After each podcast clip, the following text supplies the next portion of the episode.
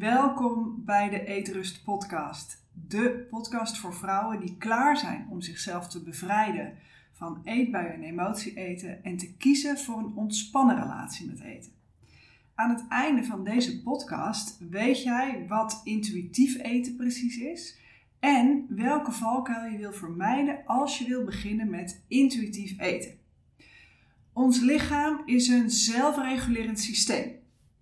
En van nature beschikken wij over het vermogen om te weten wat en wanneer we moeten eten.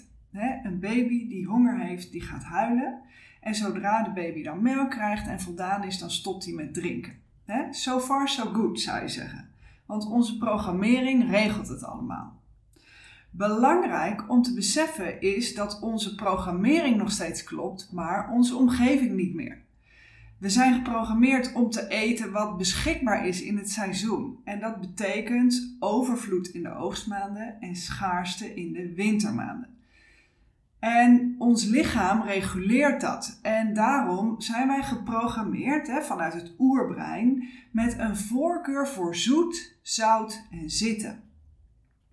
Overtollig zoet slaat op als vet voor schaarse tijden. En zitten is ons rest- en digest systeem, oftewel uitrusten en verteren. En wij zijn niet bedoeld om energie te verspillen aan andere zaken dan jagen en verzamelen, of om die energie eh, te kunnen gebruiken als we moeten reageren op gevaar door te vluchten of te vechten. Maar we leven in een omgeving met een overvloed aan zoet en zout en zitten. En onze energie wordt niet verbruikt door jagen en verzamelen. En onze stressrespons vloeien we niet af, fysiek, maar we slaan dat op in ons lijf, zodat het daar vast blijft zitten. Dus het gevolg daarvan is dat we te veel en te vaak eten dan waar we voor gemaakt zijn. Nou, en ons lijf zit ook nog eens vol met opgeslagen stress, die wij niet op een natuurlijke manier loslaten ons instinct zegt vechten of vluchten, maar dat doen we niet letterlijk. en op school of thuis leren we vooral hoe je je gewenst moet gedragen, volgens de sociale normen, maar niet hoe je stress uh, op een gezonde manier afvloeit uit je lichaam. En emoties drukken we grotendeels weg met ons hoofd. want we doen graag gewoon, want dan doen we al gek genoeg en ehm, in de Nederlandse cultuur lijkt er ook een bepaalde trots te zijn op het feit dat we uh, nuchtere Hollanders zijn. Maar eigenlijk betekent het dat we onze emoties niet goed uiten. En alles wat je niet op een gezonde manier reguleert, komt vast te zitten in je lichaam. En vroeg of laat uh, gaat dat klachten geven.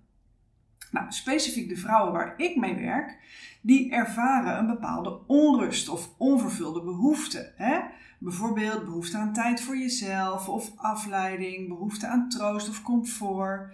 En die onrust, dat is je lichaam, je onbewuste, dat communiceert met jou via je lichaam en de communicatie is, er is onbalans.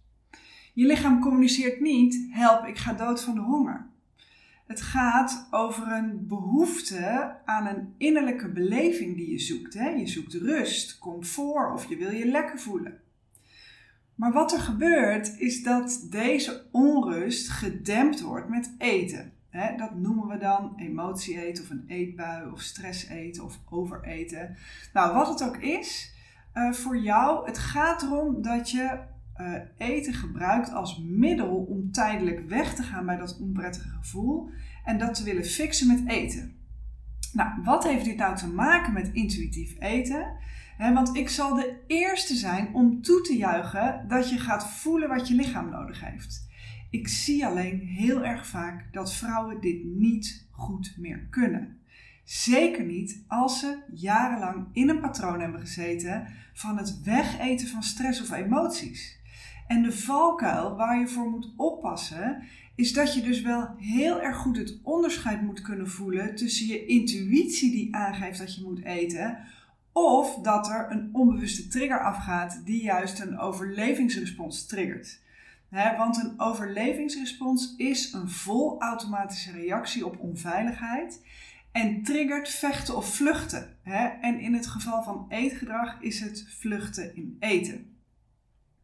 Dus zolang je nog niet de noodzakelijke voorwaarden gecreëerd hebt om een goede relatie met jezelf en met eten te hebben, loop je het risico dat intuïtief eten een vorm van zelfsabotage is, die je ten onrechte aanziet voor zelfliefde of goed voor jezelf zorgen. En je gaat dan intuïtief eten omdat je je gevoel wil volgen. En op zich is dat prima.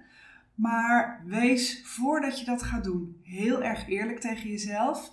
Of dit niet toch stiekem een nieuwe strategie is om te vermijden dat je aan de slag moet met waar het eigenlijk om gaat. Namelijk die onderliggende oorzaken oplossen. Die innerlijke stress en emoties aankijken en loslaten, zodat je daadwerkelijk weer in contact komt met je intuïtie. Zorg goed voor jezelf.